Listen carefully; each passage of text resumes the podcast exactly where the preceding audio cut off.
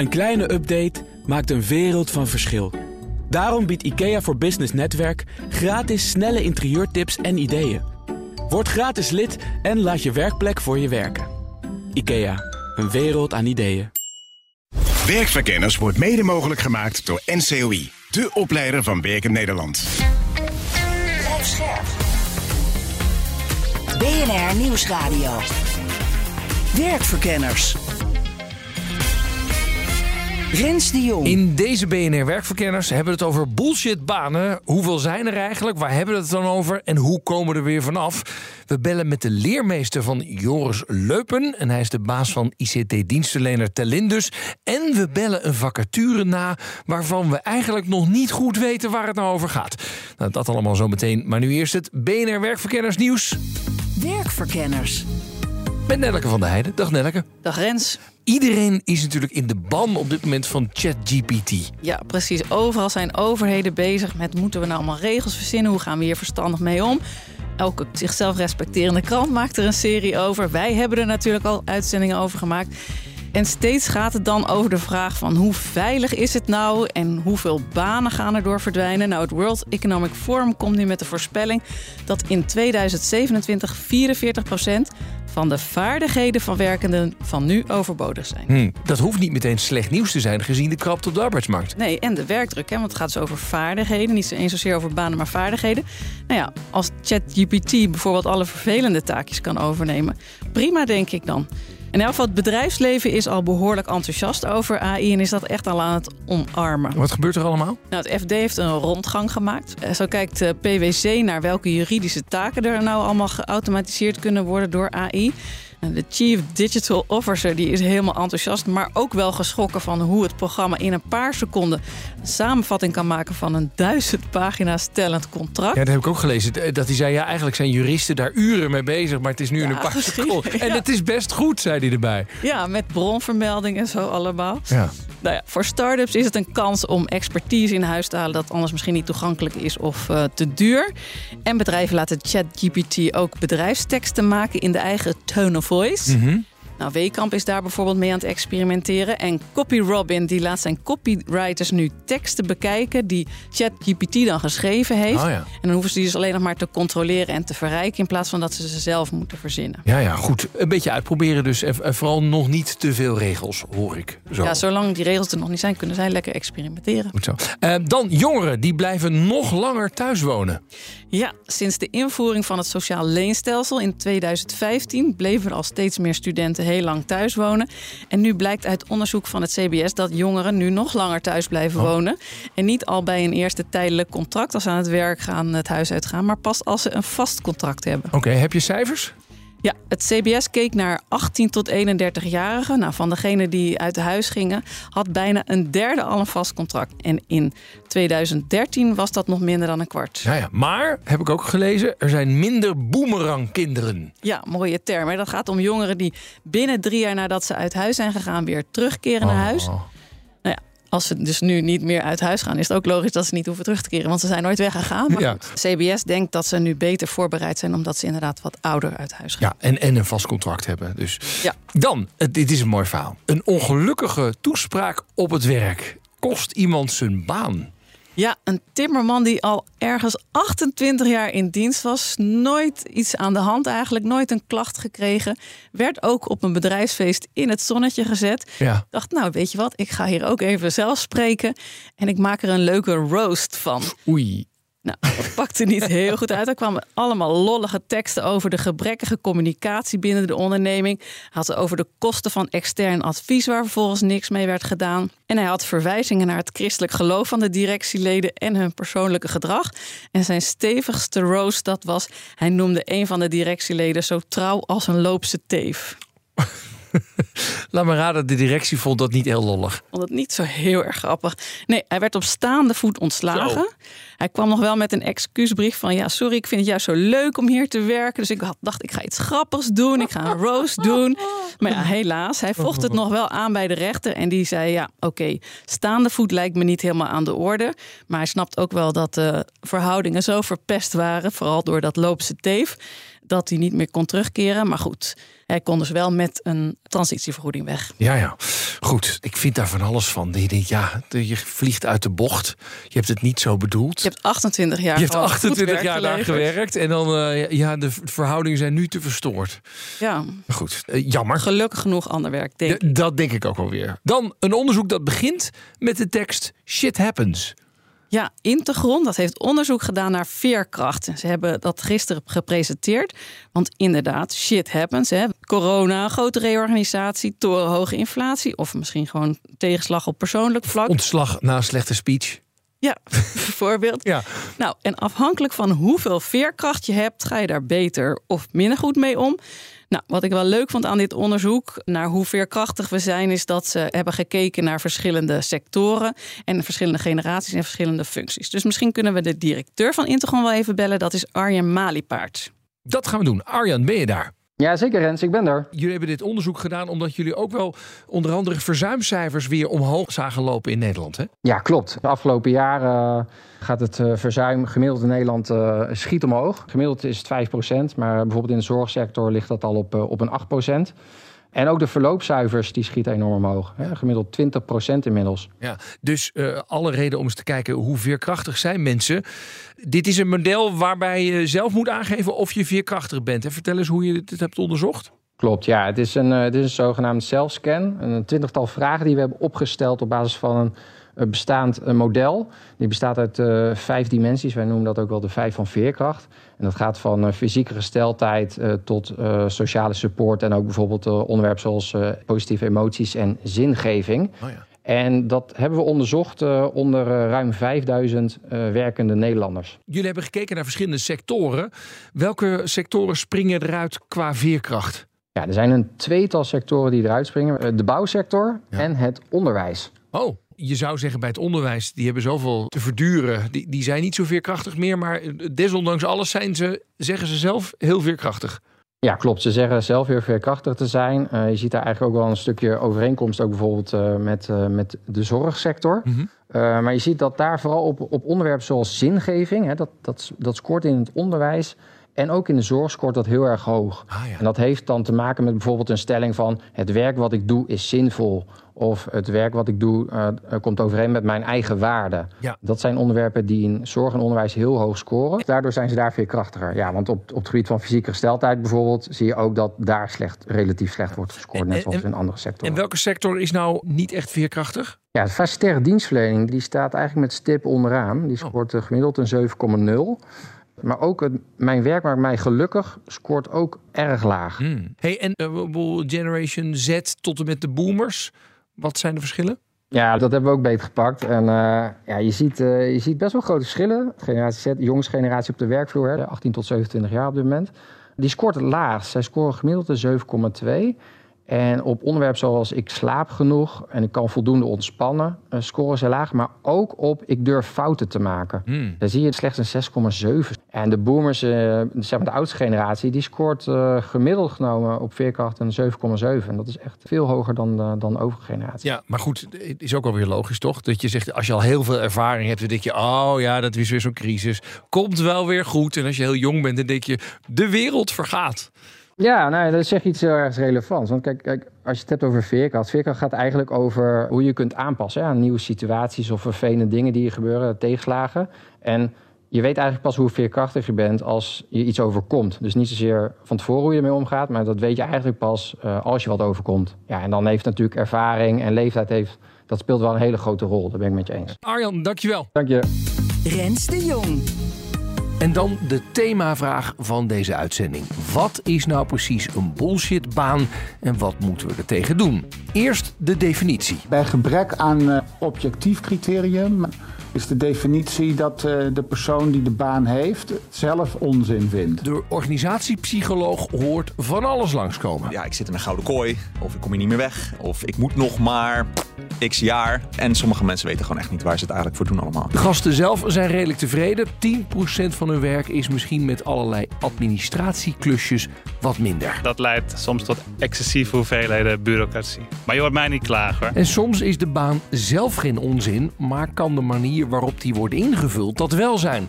Deze gast geeft als voorbeeld een staatssecretaris van Landbouw. Dus als die staatssecretaris, ja, Bleker was het geloof ik. Als we die gewoon WW hadden gegeven zijn hele leven, dan, dan waren we als Nederland st- stond een stuk eh, beter voor. Sommige banen, die helemaal niet zo heel veel bijdragen aan de maatschappij, leveren wel veel geld op.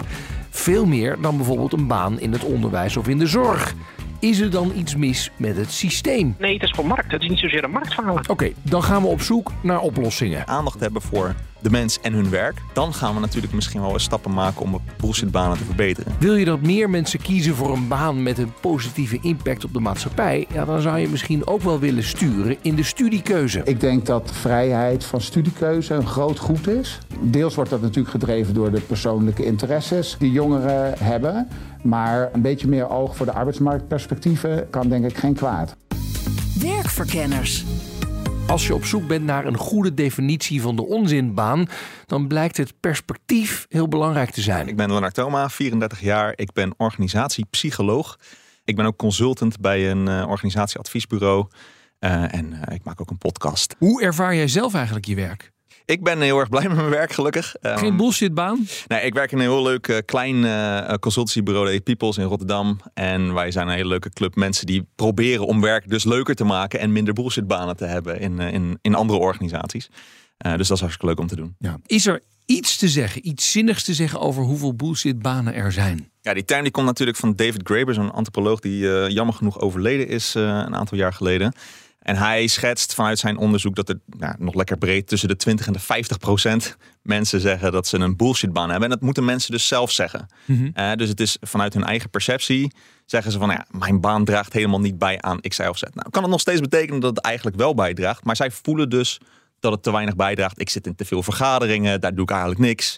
Eh, of ik loop met een mapje heen en weer eigenlijk. En uh, nou, er gebeurt niet zoveel. Ja, en daar wordt natuurlijk wel bij gezegd, ja, dat gevoel hoeft niet zo heel veel te zeggen. Nou ja, kijk, uh, het kan natuurlijk zijn dat de collega daarnaast, uh, die precies dezelfde functie uh, doet, denkt: nee, mijn baan is hartstikke nuttig. Ja. Ik ben hartstikke goed bezig. Ja. en het is ook maar net hoe je natuurlijk naar kijkt. En... Nou, het punt is namelijk: is dat een communicatieprobleem vanuit de leiding? of is het daadwerkelijk gewoon een probleem in onze maatschappij dat wij ja, moving boxes around die eigenlijk niets opleveren? Nou ja, ik denk dat we sowieso in, en zeker in Nederland heel veel bureaucratie hebben waarbij je echt wel je vraagtekens kan stellen of dat nou wel zo nuttig is. Bepaalde controlemechanismes in heel veel organisaties hebben waarbij je ook kan afvragen of dat nuttig is. Ik ben een keer in een organisatie geweest en daar werden de veiligheidsprotocollen zo scherp gesteld dat uh, er iemand was aangesteld om mij te controleren of ik de trapleuning wel vasthield. Oh ja. uh, weet je, dan kan je wel even denken dat is een behoorlijke bullshitbaan zeg maar. Ga alsjeblieft wat nuttigs doen. Ja. Maar die functies zijn er en, ja. en, en we zijn zo overgereguleerd soms in Nederland dat we daar allemaal dingetjes voor in de plaats zetten om dat maar te controleren. Ja. Zijn er andere onderzoeken waarvan je zegt, ja, daar kun je dus nutteloosheid in cijfers uitdrukken? Ja, in, in 2009 heeft de New Economics Foundation in het Verenigd Koninkrijk heeft toen een onderzoek gedaan naar wat is nou de echte sociale en maatschappelijke waarde van bepaalde banen. Ze keken naar zes verschillende professies en dan gingen ze uitrekenen hey, hoe zit dat nou, uh, wat levert iemand nou op ten opzichte van wat die kost, hè? dus ja. wat die wat die verdient. En dan keken ze naar bijvoorbeeld bankiers. Nou, dit was 2009, dus net na de crisis, dus dat zal niet heel erg goed doen. Maar voor elke pound die een een bankier daar in Londen verdient, uh, vernietigt die 7 pound voor de maatschappij. Qua Oh, wow. social value staat hier. Ja. Uh, nou, als je dan kijkt bijvoorbeeld naar iets totaal anders, ouders en childcare, hè, dus kinderopvang, et cetera. Voor elke pound die zij dan verdienen, levert het 9 pound 50 op voor de maatschappij. Nou, en zo gaat dat dan door. En dan hebben ze het ook over een advertising executive. Nou, die, nou, wat, die, wat is die vernietigt ook. Ja, dus een marketing expert. Nou, die vernietigt wel 11 pound per elke pound die die verdient. En dan had je het over, hebben ze het over ziekenhuis schoonmakers. Die leveren dan weer 10 pound op. Ja. Belasting tax accountants. Oh, dat zal heel veel vernietigen. 47 pound. Wordt er vernietigd? Voor elke pound die zij verdienen. Oh, wow. Ja, en zij verdienen nogal veel, dus ja. uh, dat doet pijn. Waste recycling, oftewel afvalverwerkers en die dat uh, nou, recyclen, die, die verdienen dan weer voor de, voor de maatschappij 12 pound voor elke pound. Die ze... Dan is natuurlijk wel de vraag: moeten we dan al die banen die meer kosten dan dat ze opleveren stoppen? Nou ja, als je hier naar kijkt, zou je denken van wel natuurlijk. Uh, ja, het zit alleen een beetje van uh, de persoon. Maar er is wel een vraag in de markt naar belastingadviseurs. Er is een vraag Precies. in de markt naar mensen die ad agencies runnen, et cetera. Ze verdienen niet voor niks natuurlijk ja. zoveel. Dus economisch gezien zit er een bepaalde waarde aan. Maar als je kijkt naar sociaal-maatschappelijk gezien, hebben we misschien die waarde een stuk minder. En dat wordt natuurlijk in de economische theorie is vaak niet zo goed meegenomen. Dit is dan zo'n onderzoek die dat één keer wel doet. Heel moeilijk berekend waarschijnlijk. Ik weet niet hoe ze precies op die cijfers zijn gekomen. Maar het is dus lastig te zeggen, op, op, eh, afhankelijk van welke pet je op hebt. Hebben we de economische pet op? Hebben we de sociaal-maatschappelijke, duurzame pet op? Of kijken we naar het individu? Mijn volgende gast onderzocht hoeveel mensen hun eigen baan als nuttig ervaren. Ik ben Robert Deur, ik ben hoogleraar economie aan de Erasmus Universiteit in Rotterdam. En ik heb in het verleden veel onderzoek gedaan naar uh, fenomeen onzinbanen. Hoe ervaar jij jouw werk eigenlijk? Oh, als heel zinvol, ja. die David Graeber die heeft er ooit een boek over geschreven, Bullshit Jobs A Theory. Volgens mij uit nou, ergens 2018 dacht ik uit mijn hoofd. En hij zegt 30 tot 40 procent van de mensen ziet geen of weinig nut in zijn of haar werk.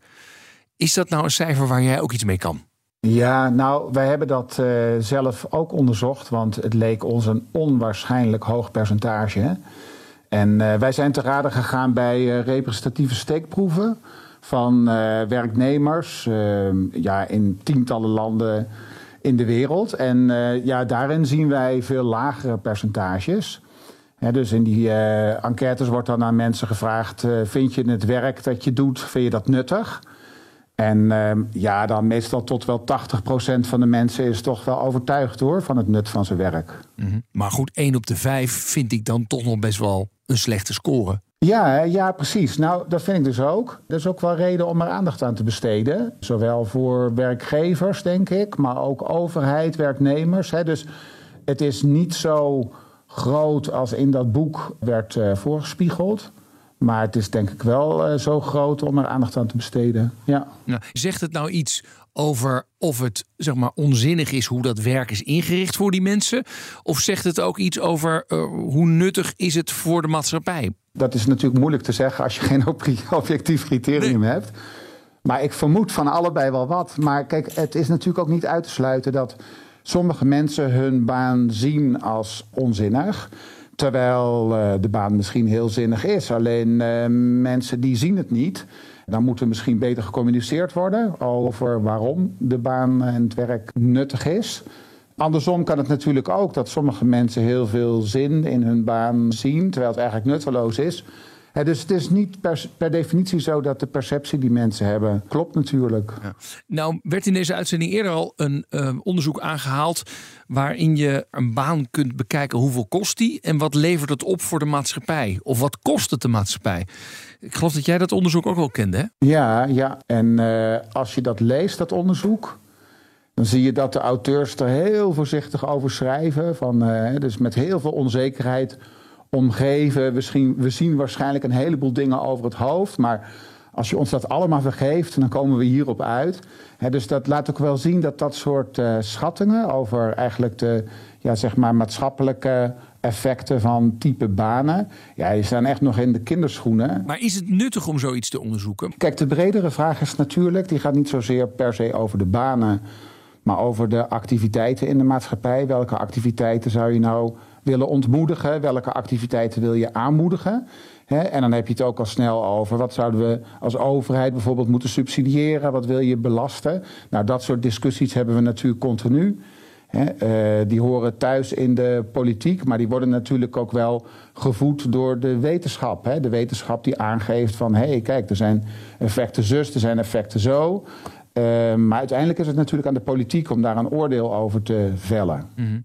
Maar zijn we daar al op dat punt dat wij gaan nadenken over wat zijn nou banen die echt maatschappelijk toegevoegde waarde hebben en moeten we stimuleren? En wat, nou, kost de maatschappij alleen maar geld, dan zou je misschien moeten afremmen? Ja, maar die discussies die zijn, voor, voor zover ik dat overzie, meestal meer over de activiteiten dan per se over de banen. Hè. Dus we hebben discussies over de vraag: moeten we niet meer investeren in het onderwijs bijvoorbeeld? Hè? Moeten we niet de salarissen in het onderwijs verhogen, zodat er meer en misschien ook andere mensen eh, naar de sector onderwijs worden getrokken? Datzelfde geldt voor de gezondheidszorg. We hebben natuurlijk ook discussies over Hoe kunnen we de klimaattransitie aanpakken? Hè, moeten we daarvoor uh, bepaalde activiteiten in de economie zwaarder gaan belasten? Moet er meer regelgeving komen? En al dat soort uh, maatregelen die hebben natuurlijk vervolgens weer gevolgen voor het type banen dat in onze maatschappij uh, ontstaat en blijft bestaan of uitbreidt. En deze gast is meer geneigd de onzinbanen vanuit een maatschappelijk perspectief te bekijken. Pieter Gauthier, hoogleraar economie aan de Vrije Universiteit in Amsterdam. Ja, hoe ervaar jij je werk? 90% is inhoudelijk uh, uitdagend en 10% dat is het invullen van toetsmatrijzen, leerdoelen koppelen aan examenvragen. Dat uh, kun je wel rekenen onder de, onder de bullshit ja? categorie. Ja, het is wel belangrijk namelijk, toch? Nee, het is zeker wel belangrijk, maar heel maar veel. Ja, en de accreditatie is ook belangrijk, maar accreditatie leidt vaak tot tastbaar bewijs en dat leidt weer tot formulieren. Jij bent arbeidseconoom. Als je nou kijkt naar die bullshitbanen, waar, waar denk je dan aan? Ja, je denkt aan taken die maatschappelijk ja, niet veel nut hebben. Zoals bijvoorbeeld ja, lobbyen voor sigarettenindustrie of telemarketing voor een deel je ziet me een beetje aarzelen. Want het, is een beetje een vaag uh, begrip. En in de bullshit-baandiscussie ja, zit ook vaak bullshit-analyses ook. Maar daar moet je vooral aan denken. Aan, aan dat is jouw definitie. Dat, dat, is mijn, mijn definitie. En er zijn natuurlijk ook banen die in principe heel nuttig zijn, maar waarbij de, de mensen die erop zitten, ja, ja eigenlijk bullshit activiteiten ontplooien. Dat kan natuurlijk ook. Ja. Wat zou dat dan kunnen zijn? Nou, bijvoorbeeld ja, de, de, staatssecretaris van Landbouw in 2011. Hè, een zeer belangrijke eh, baan. Maar ja, er werden in, één keer 400 uh, vergunningen voor megastallen uitgevaardigd. Ja, daar zitten we nu met een enorme problemen. Ja. Dus die baan is niet echt een bullshit baan, maar je kan natuurlijk wel Ja. binnen normale banen bullshit activiteiten ont- ontplooien. Maar is dat dan voor jou inderdaad de definitie van het moet eh, een bullshitbaan heeft geen waarde voor de maatschappij? Ja, dat, dat is mijn definitie. In de, in de literatuur is het meestal, wordt het gemeten, dat wordt aan de mensen zelf gevraagd. Hè? Is jouw, vind jij jouw, jouw taken nuttig? Uh, en dat is iets makkelijker meten. Maar daarmee onderschat je het misschien ook wel weer. Want heel veel mensen die zullen het niet zo snel van zichzelf zeggen. Die zijn geneigd om, om zichzelf toch belangrijk te vinden. En dan, ja, dan zullen ze hun, hun baan geen bullshitbaan noemen. Terwijl het misschien in werkelijkheid wel zo is. Ja, want wat, wat, wat helpt het als wij banen gaan indelen in dat is nuttig voor de maatschappij en dat is niet nuttig voor de maatschappij? Nou ja, omdat er allerlei marktfalen ook vaak is. Hè. Dus je wil uiteindelijk gaat het natuurlijk wel inderdaad om of iets goed is voor de maatschappij. En als dat niet zo is, dan kun je kiezen om het te verbieden. Dat doen we met criminaliteit. Mhm. Uh, kookdealers, dat soort taken, die, die verbieden we. En sommige activiteiten die zijn slecht, zoals, zoals ja, vliegen, zijn maatschappelijk slecht, maar die geven ook veel plezier. Dus verbieden zou misschien wel ver gaan. Maar dan willen we het nog alsnog een beetje ontmoedigen. Dus met het idee de vervuiler betaalt. Dus dat de kosten in ieder geval meegenomen worden. En dat er minder gevlogen zou worden dan als we helemaal niet zouden ingrijpen. En dat is uiteindelijk wel goed voor de maatschappij. Ja. En dan heb je banen die nog echt bijdragen aan de maatschappij. En dan, maar dan denk ik echt aan die banen van mensen die bijna een aureooltje om hun hoofd hebben. Zoals een leraar en verpleegkundigen en et cetera, toch? Ja, dus, dus er zijn ook mensen die heel erg ja, ge, gedreven zijn om het goede voor de maatschappij te doen. En die halen er heel veel voldoening uit. Zoals vaak in de verpleging en misschien ook wel in de, in de journalistiek. Laat, ik, laat Ja? ik eens aardig voor je zijn.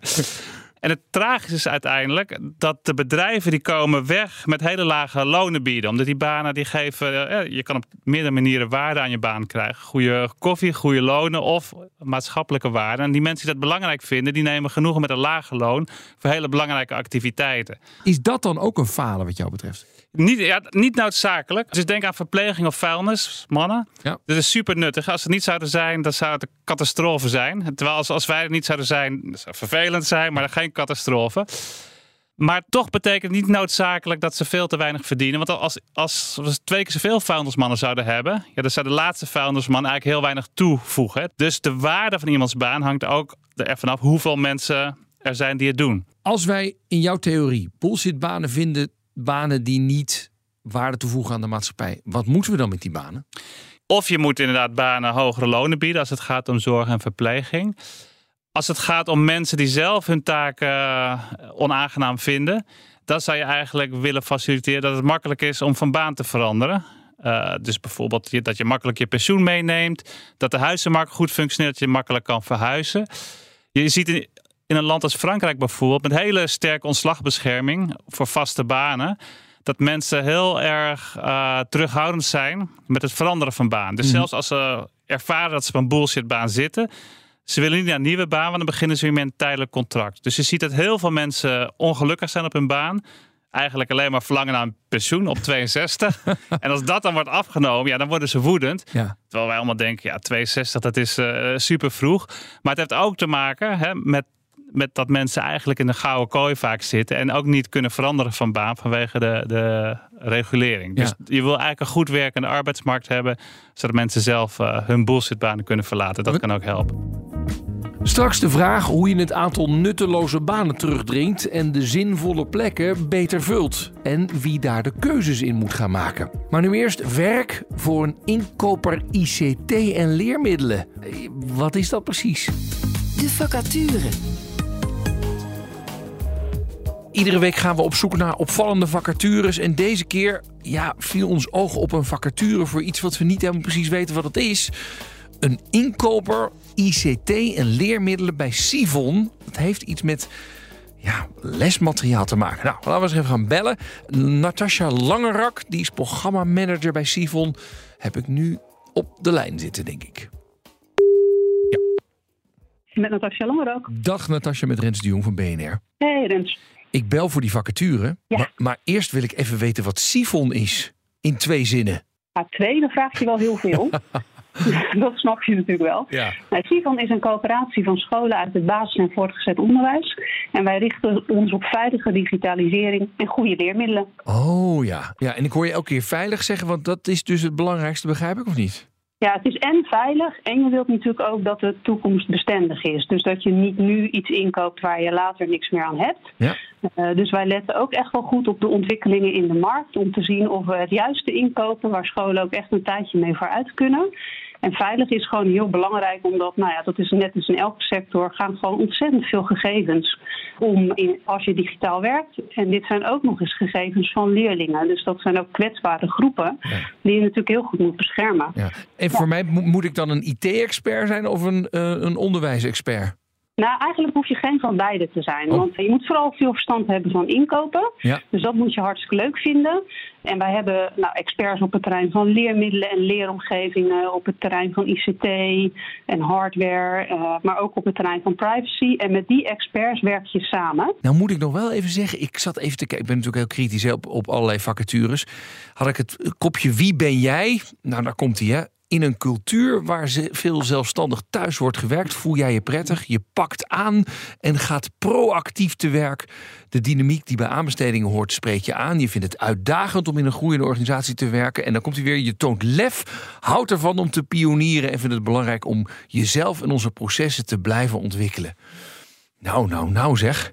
Laat ik zo zeggen, er zit wel ehm, veel van die woorden in die ik vaak in een vacature zie. Proactief, lef, pionieren.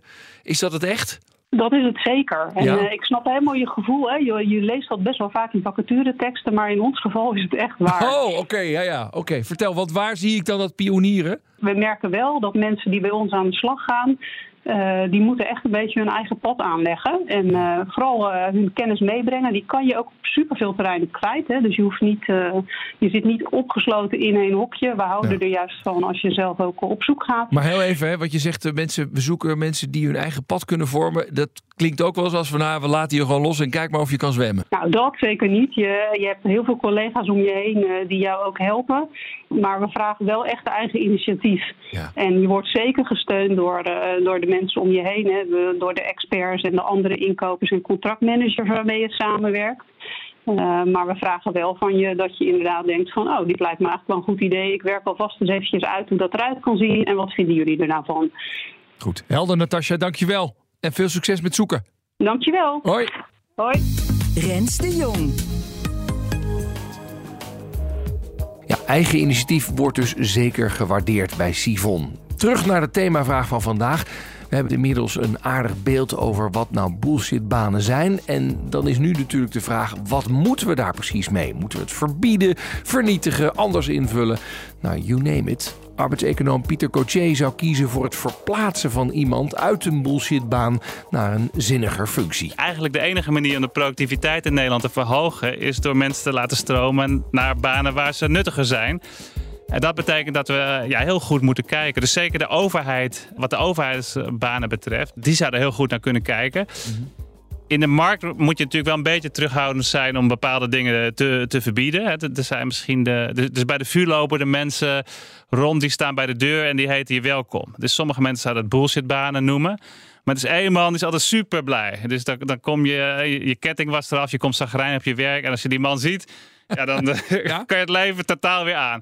Dus als hij dat doet bij alle werknemers, dan voegt hij eigenlijk heel veel toe. Dus ik, ik vind het eigenlijk helemaal geen bullshitbaan. Maar als de overheid zou zeggen van nou, kijk, dit vind ik een bullshitbaan, dit gaan we verbieden. Dat, dat zou dan eh, ook, niet goed zijn. Hè? Omdat het, juist omdat het een beetje een vaag eh, begrip is. Maar je hebt helemaal gelijk dat het nu wel heel goed is om na te denken, voegt een baan veel toe of voegt een baan weinig toe. En dan zeg je bijvoorbeeld van dit soort dingen die ook door de overheid worden gefinancierd, of gedeeltelijk, bijvoorbeeld verpleegster, leraar en et cetera. Daar zou je dan extra moeten proberen om dat aantrekkelijk te maken. Exact, exact, ja, ja. En we hebben natuurlijk toen we heel veel werkeloosheid hadden, hebben we ook een beetje in wat we melkertbanen noemden, of allerlei taken geïnteresseerd die misschien niet echt nodig waren. En, en het wordt wel tijd om dat soort taken ja, af te bouwen ook, om Ja. er goed naar te kijken. De vraag is dus eigenlijk hoe zorg je ervoor dat de rij groter wordt voor banen waar grote maatschappelijke waarde is. Red je het alleen maar met meer geld? Meer geld, maar ook, ook meer eh, leermogelijkheden. Ook door banen inhoudelijk interessant eh, te maken. Want heel veel mensen vinden dat interessant. Heel veel jongeren die willen toch dingen met duurzaamheid doen. Dus al die, die facetten die kunnen helpen. Maar tegelijk moeten we nadenken dat je ook niet te veel mensen daarop wil hebben. Want de maatschappelijke waarde die neemt af zodra er meer en meer mensen die taken vervullen. Dus dat moet je ook goed je achterhoofd houden. Ja, ja. En, en gaan we ook bijvoorbeeld banen die minder nuttig zijn als maatschappij, maar wel goed betalen, gaan we die dan proberen af te remmen? Ja, dat denk ik dat dat eh, goed is. Maar dat blijft natuurlijk ook heel lastig. Het Dat is leuk om te zeggen, maar dat is Nee, zeker. Want je, ik een denk dat, verbod op lobbyisten wordt wel lastig. Ja, precies. Of, of binnen de marketing en, en adverteerders, dan denk je dat er heel veel bullshit zit. Maar verbieden is ook wel weer lastig. Het is heel veel mensen die worden toch gelukkig omdat eh, George Clooney een bepaald koffiemerk aanprijst. En een koffiesmaak er echt lekkerder vinden ze. Ja. Dus dat creëert voor sommige mensen wel weer een waarde. Dus je moet ook wel weer terughoudend zijn met, met verbod. Tenzij het e- de maatschappij echt schade berokkent. Ja. Alleen draai ik hem om.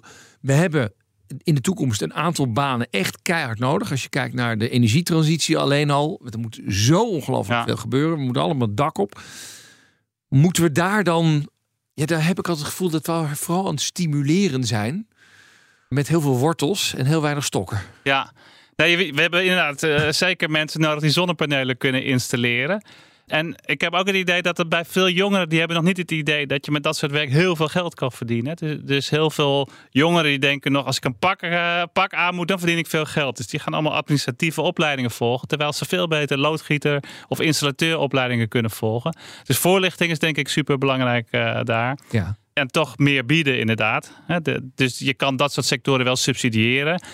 En dan wordt het vanzelf ook aantrekkelijker om die eh, functie te kiezen in plaats van eh, ijs eh, rond te brengen op een brommetje. Organisatiepsycholoog Lennart Thoma ziet een belangrijke taak voor de werkgevers. Ik ben dus als consultant heel erg bezig om bepaalde werkgevers te inspireren of te motiveren om beter met hun mensen om te gaan. Ik denk dat dat al een heel stuk helpt. Hè? Als, we, eh, gaan, als je gewoon als werkgever, als leidinggevende manager, CEO aan je mensen nou eens gaat vragen: hoe is het nou met je? En hoe kan ik bepaalde obstakels uit jouw werk weghalen, zodat je meer voldoening uit je baan krijgt, dat je baan dus ook echt wat gaat betekenen voor jou, hè? dat het niet een bullshitbaan is, maar dat het echt nuttig is. Eh, en hoe kan ik je daarbij helpen? Ja. Ik heb ook wel eens ergens in een organisatie het huisreglement doorgelezen, omdat ik dacht dat is grappig. En daar stond bij, in dit gebouw, en het was gewoon een normaal kantoor, is de maximumsnelheid 5 km per uur. en ik dacht, oké, dus, maar dat moeten ze dus ook, dat hebben ze ten eerste hebben ze dat opgesteld. Ja. Dat is al bullshitbaan nummer 1, zeg maar. Iemand heeft dat ook goedgekeurd. Denk je, oké, dat is ook knap. En dan moet het eigenlijk ook nog gecontroleerd worden. Dus ik, ik denk dan altijd van, staat er iemand met een lasergun om de hoek te kijken hoe jij met je koffie loopt. Want waarschijnlijk is er iemand met hele hete koffie omgedonderd. En heeft dat allemaal proble- tot problemen geleid. Nou, eh, ja, maar moet dat nou? Weet je, dus ook regels. schrap- Waarom hebben we die regels nou? Moet dat echt? Ehm, ik denk dat we daar ook heel veel.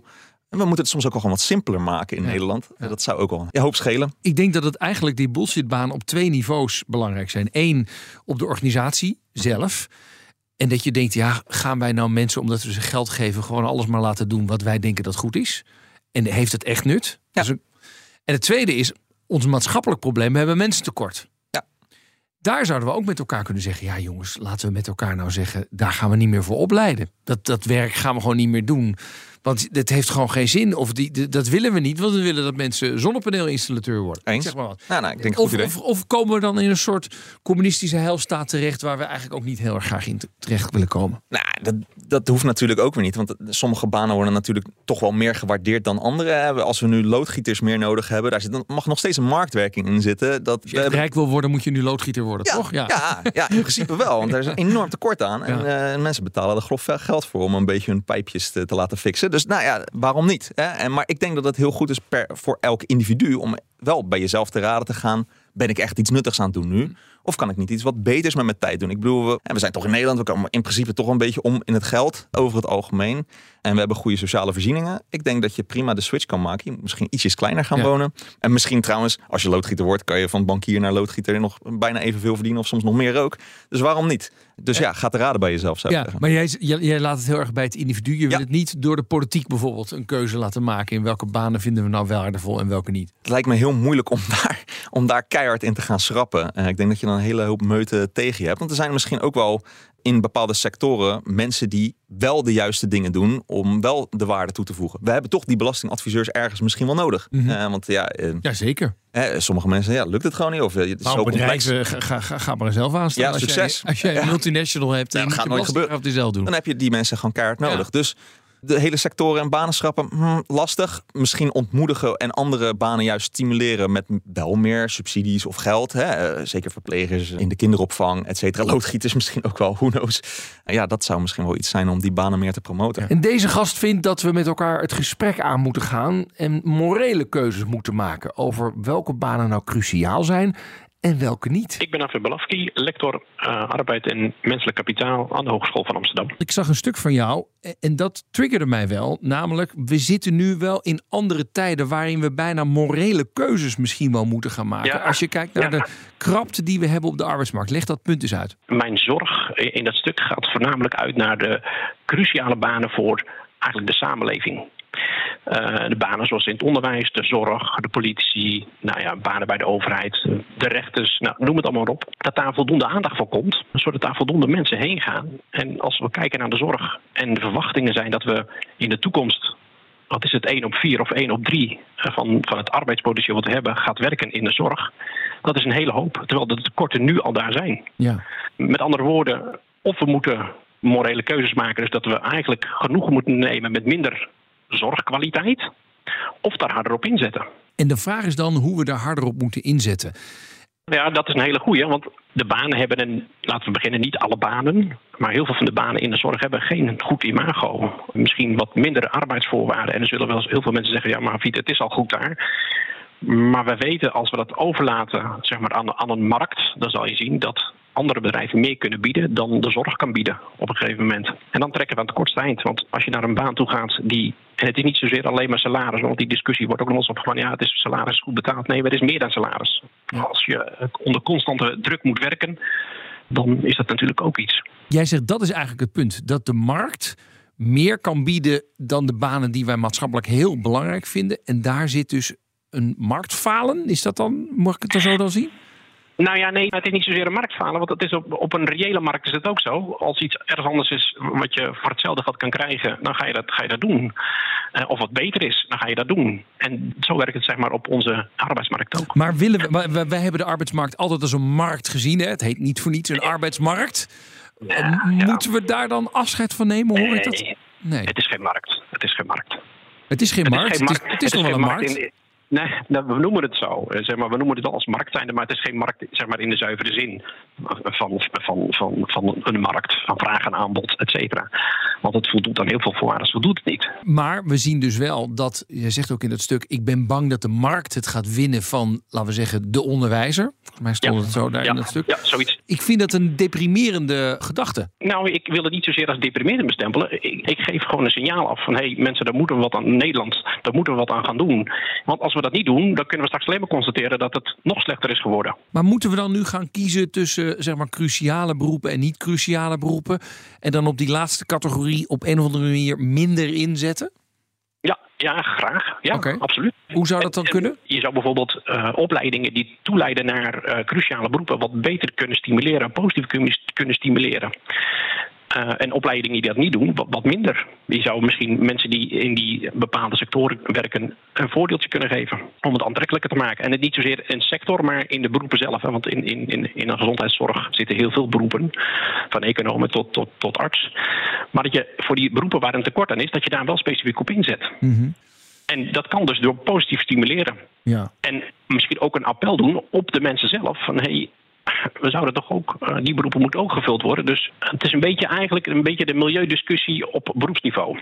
Ja, maar ik vind het wel een grappige analyse, want op het milieuniveau gebeurt ook veel te weinig. Ja, mijn zorg is dat we dat straks alleen maar achteraf kunnen constateren dat we niks gedaan hebben. Ja. En dat geldt niet alleen voor de zorg, hoor. het geldt voor het leger, het geldt ook voor andere cruciale belangrijke functies in de energietransitie. Ja, daar is ook een gigantisch tekort, uh, tekort aan, aan, mensen in, in die sector. Ja. Dus als we dat ook willen versnellen, ja, dan moet je toch jongeren stimuleren om daar iets mee te gaan doen. Er zit een hele hoop vergrijzing zit er in die sector. Dus dat gaat binnenkort met pensioen. En dan, ja, dan gaat die transitie nog moeizamer. Aan hoogleraar economie Robert Duur vraag ik of we niet iedereen die zelf vindt dat hij een bullshitbaan heeft, naar nuttiger werk moeten bewegen. Ik denk dat die sturing vanzelf zal gaan.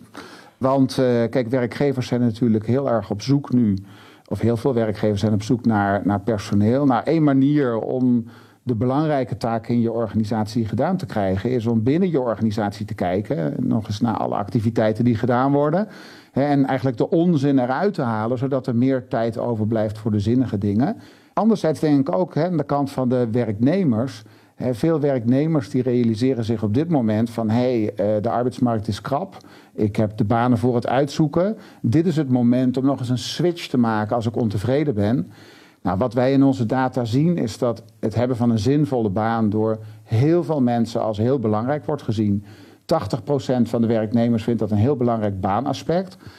Nou, de meeste lukt het gelukkig ook om een baan te vinden die ze als zinvol ervaren. Maar zij die dat niet lukken, ja, ik zou zeggen, kijk vooral rond. Hè. Ga op zoek naar een baan waar je meer uh, zingeving uh, ervaart. En dan hebben we verder geen grootse plannenmakerij nodig. Uh, dan komt het in die economie vanzelf een, een stuk beter wat betreft de, ja, het zinvol zijn van de, van de banen. Ja, het individu moet aan de bak, dat hoor ik je zeggen. Het individu, maar ook werkgevers. Hè. En tenslotte is het natuurlijk ook een belangrijke taak voor de overheid. Hè. Dus de overheid heeft ook een belangrijke taak om ervoor te zorgen dat uh, wat je zou kunnen noemen de onzinindustrieën niet te groot worden. En dus om maar één voorbeeld te geven, hè, als de overheid hele ingewikkelde belastingwetgeving maakt, ja, dan krijg je ook een hele grote belastingadviesindustrie in je economie. Hè? Want ja, er zijn er allerlei mazen in de wet, maar die vind je niet vanzelf. Daar heb je een adviseur voor nodig. Dus krijg je een heleboel mensen in je maatschappij die zich bezighouden met het adviseren van anderen hoe ze belasting kunnen ontwijken. Nou, dat is niet echt een hele zinvolle activiteit vanuit het perspectief van de maatschappij als geheel. Dus door uh, belastingwetgeving simpel te houden, kun je voorkomen dat een industrie ontstaat met, vol met banen waarvan je toch al met al zegt van nou is dat nou maatschappelijk zo nuttig? Ik zit me wel af te vragen, moeten we dan... Kijk, nu laten we dat toch wel heel erg aan de markt over. Hè? Dus bij die werkgevers zeggen we ja, je hebt toch geen personeel, dus ga er maar over nadenken. Uh, uh, of moeten wij toch iets meer het maatschappelijke gesprek hebben over wat vinden wij nou nuttig met de beperkte resources slash mensen die we hebben? Ja, zeker. Nee, dat is een hele belangrijke discussie om te hebben. En kijk, als we zeggen bijvoorbeeld, we vinden het belangrijk dat het onderwijs in Nederland goed bemenst is. Dat er voldoende mensen zijn die daar willen werken eh, met hart en ziel. Nou, dat zouden we kunnen concluderen. Ik denk dat er ook veel bewijs is dat dat maatschappelijk uh, heel rendabel is. Uh, maar ja, het betekent ook dat we de portemonnee moeten trekken. Want die mensen komen natuurlijk niet als vanzelf. Dus we zullen de condities in die sectoren goed moeten maken. En wat geduld hebben, hè? want mensen worden niet van de een op de andere dag natuurlijk uh, docent. Maar ik denk dat we dan een heel eind komen. Dus ik denk dat het vooral een discussie moet zijn over welke activiteiten willen we verder stimuleren en welke willen we juist ontmoedigen. En ja, dan volgen de banen uiteindelijk vanzelf. Ja. Als we tenminste bereid zijn om de prijs daarvoor te betalen. Ja, en wat zou dat ontmoedigen dan inhouden? Nou, belasten of reguleren. Oké, conclusie over de onzinbanen. Nou, er zijn verschillende perspectieven. Hij vindt het individu zelf dat de baan weinig bijdraagt, of levert een baan de maatschappij niks op. In beide gevallen gaat het dan om bullshitbanen. En er is voldoende nuttig werk waar ze springen om mensen. Dus hoe krijgen we de mensen uit die onzinbanen naar waardevolle functies? Een aantal suggesties. Je kunt zelf redelijk risicovrij de stap zetten. Dus zit je in zo'n baan, nou, waarom doe je niet wat anders? Verder, als werkgever, mocht je personeel nou zelf denken dat ze een onzinbaan hebben, ja, dan moet je of de baan aanpassen of beter uitleggen wat het bijdraagt aan het geheel. De politiek zou natuurlijk kunnen sturen door banen in bijvoorbeeld het onderwijs, de zorg en de energietransitie te subsidiëren. En zo is de oproep van sommige van mijn gasten. We zullen echt een debat moeten voeren in onze maatschappij. Wat vinden we nog nuttig en wat niet? Want anders lopen we op de arbeidsmarkt over een paar jaar echt vast. Nou, ik ben wel benieuwd of dat debat gaat komen. De leermeester. Laatste onderdeel van deze uitzending, de leermeester. Wie zorgde bij jou voor een kantelpunt in je carrière? Wie maakte dat je een andere afslag koos? Of hielp je een stap te zetten die je anders eigenlijk niet durfde te zetten? Deze keer bellen we met de leermeester van Joris Leupen. En dat is de CEO van Telindus. Dag Joris. Dag. Wie is jouw leermeester? Ja, dat is de Vlaamstalige Geert de Gezelle. En wie is dat? Ja, dat is uh, uh, de voormalige directeur van, uh, van Telindus en de positie die ik nu heb ingenomen. Ja, en, en wat heeft hij jou geleerd? Hij heeft mij geleerd dat ik altijd de lat een heel stuk hoger moet leggen zonder hem net te hoog te liggen. En tegelijkertijd heeft hij mij het vertrouwen gegeven dat mensen deze lat kunnen halen. Oh, nou, ik ben benieuwd naar deze businesswijsheid. Ja. Ga eens even kijken of we Geert aan de lijn kunnen krijgen. Geert Gezelle. Dag meneer de Gezelle met Rens de Jong van het Nederlandstalige BNR Nieuwsradio. Goedemiddag Rens. Goedemiddag, fijn u te spreken. Ik heb iemand onder de knop zitten die zegt dat u zijn leermeester bent. Wel, ik ben zeer benieuwd. Nou, uh, maak je maar bekend. Dag Geert, met uh, Joris Leupen. Hey, dag Joris. Hey. Ja, wel. Als ik aan iemand dacht, dan was het Joris. Ik kon uh, bijna niet anders voorstellen dat het Joris was. Dus, uh, Joris, is er een moment geweest dat je zegt: ja, dit is toch mijn leermeester. Hier leer ik, zeker achteraf gezien, heel veel van. Ja, zeker, zeker. En Geert was toen de algemeen directeur van Telindus. En ik weet nog heel goed, Geert, ik moest een presentatie geven aan de raad van bestuur van Proximus, hè, onze moedermaatschappij. En toen ik een paar uur voor die meeting uh, uh, de presentatie aan jou presenteerde, toen weet ik nog dat je enorm schrok van wat ik had opgesteld. En was totaal niet tevreden over het resultaat wat daar stond. Sterker nog, volgens mij zei je zelfs tegen mij: Dit is niet presentatiewaardig. Dus we stonden een beetje met, met lege handen toen. Oh. Um, en je was, was echt duidelijk wel wat ontstemd erover. Maar je gaf mij, dat weet ik nog heel goed, je gaf heel kort, maar echt kristalhelder aan wat je verwachtingen waren. En toen liet je mij in de paar uurtjes die we nog hadden eraan werken. En wat mij vooral opviel is dat jij eigenlijk dat losliet, niet zelf aan die presentatie ging werken. Uh, ondanks dat je de verantwoordelijkheid had natuurlijk voor die opkomende meeting, maar je vertrouwde het me echt toe. En er was eigenlijk geen ruimte meer om die presentatie nog een keer verkeerd te maken. Dus je nam een ontzettend risico. Dat dreef mij in ieder geval enorm in zo'n korte tijd alsnog iets petterends neer te zetten. En dat is volgens mij ook gelukt. En ik kreeg ook daar de nodige complimenten van, onder andere vanuit jou Geert. Ja, dan voel je je echt jezelf ontzettend groeien. Dus uh, dat moment staat mij nog echt heel erg bij. Geert, weet je dit moment nog of niet? Ja, het is niet zo een moment dat ik um, zou uh, terug naar reflecteren, maar het is, nu komt het wel terug. Hè? Dus uh, ik herinner het mij absoluut zeker. En ik denk dat dat ook een kwestie is van vertrouwen naar elkaar toe. Hè? En ik, ik weet dat. We, we zeiden altijd wat, waar het op stond aan beide kanten. Ik weet nog heel goed dat Joris zei van ja, maar de, de, tijd die we nog resten is heel kort. Maar wederom, uh, Joris, uh, toch, uh, ik, ik, geloof dat altijd van twee kanten. Want ik heb ook heel veel geleerd van Joris.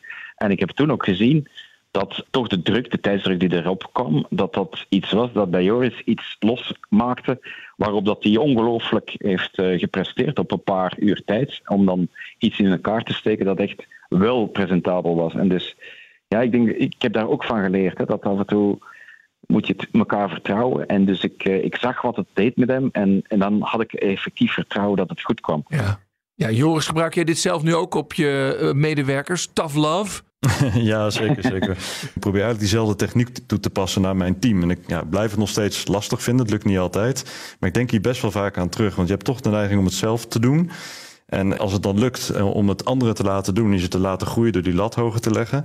Ja, daar kan ik ontzettend van genieten. Ja. Goed. Ik begrijp dat het etentje vorige maand was afgezegd. eh, volgens mij is het wel nodig dat jullie elkaar wel weer een keertje gaan zien, eh, meneer de Gezelle. Ik kan het uh, niet, niet, niet, meer over, over eens zijn. En dat, dat zat in de planning sowieso voor de maand mei. Maar zowel Joris als ik zelf hebben altijd drukke agenda's en er is altijd een excuus. Maar ik ben het er helemaal mee eens. Dus dat gaan we ook doen, hè, Joris. Ik kijk er heel erg naar uit, Geert. Um, Joris en Geert, uh, ik wens jullie een fijn etentje en leuk om elkaar eventjes dit op te halen en te markeren als een moment van uh, beide leren. Dankjewel voor het, uh, voor het gesprek en Joris, heel hartelijk dank voor mijn erkenning. Ik, ik, ben er zeer dankbaar voor, maar omgekeerd, je weet ook, ik ben heel, heel tevreden geweest toen dat de naam Joris werd vermeld als mijn opvolger en dan wist ik dat het goed kwam. Dankjewel Geert en dank Rens ook voor deze kans.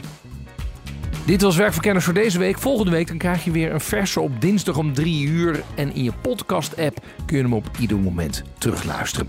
Productie en redactie Nelke van der Heijden, Emma Somsen. Mijn naam is Rens de Jong. Tot de volgende keer. Dag. Werkverkenners wordt mede mogelijk gemaakt door NCOI. De opleider van Werken Nederland. Als ondernemer hoef je niet te besparen op je werkplek. Want IKEA voor Business Netwerk biedt korting op verschillende IKEA-producten. Word gratis lid en laat je werkplek voor je werken. IKEA, een wereld aan ideeën.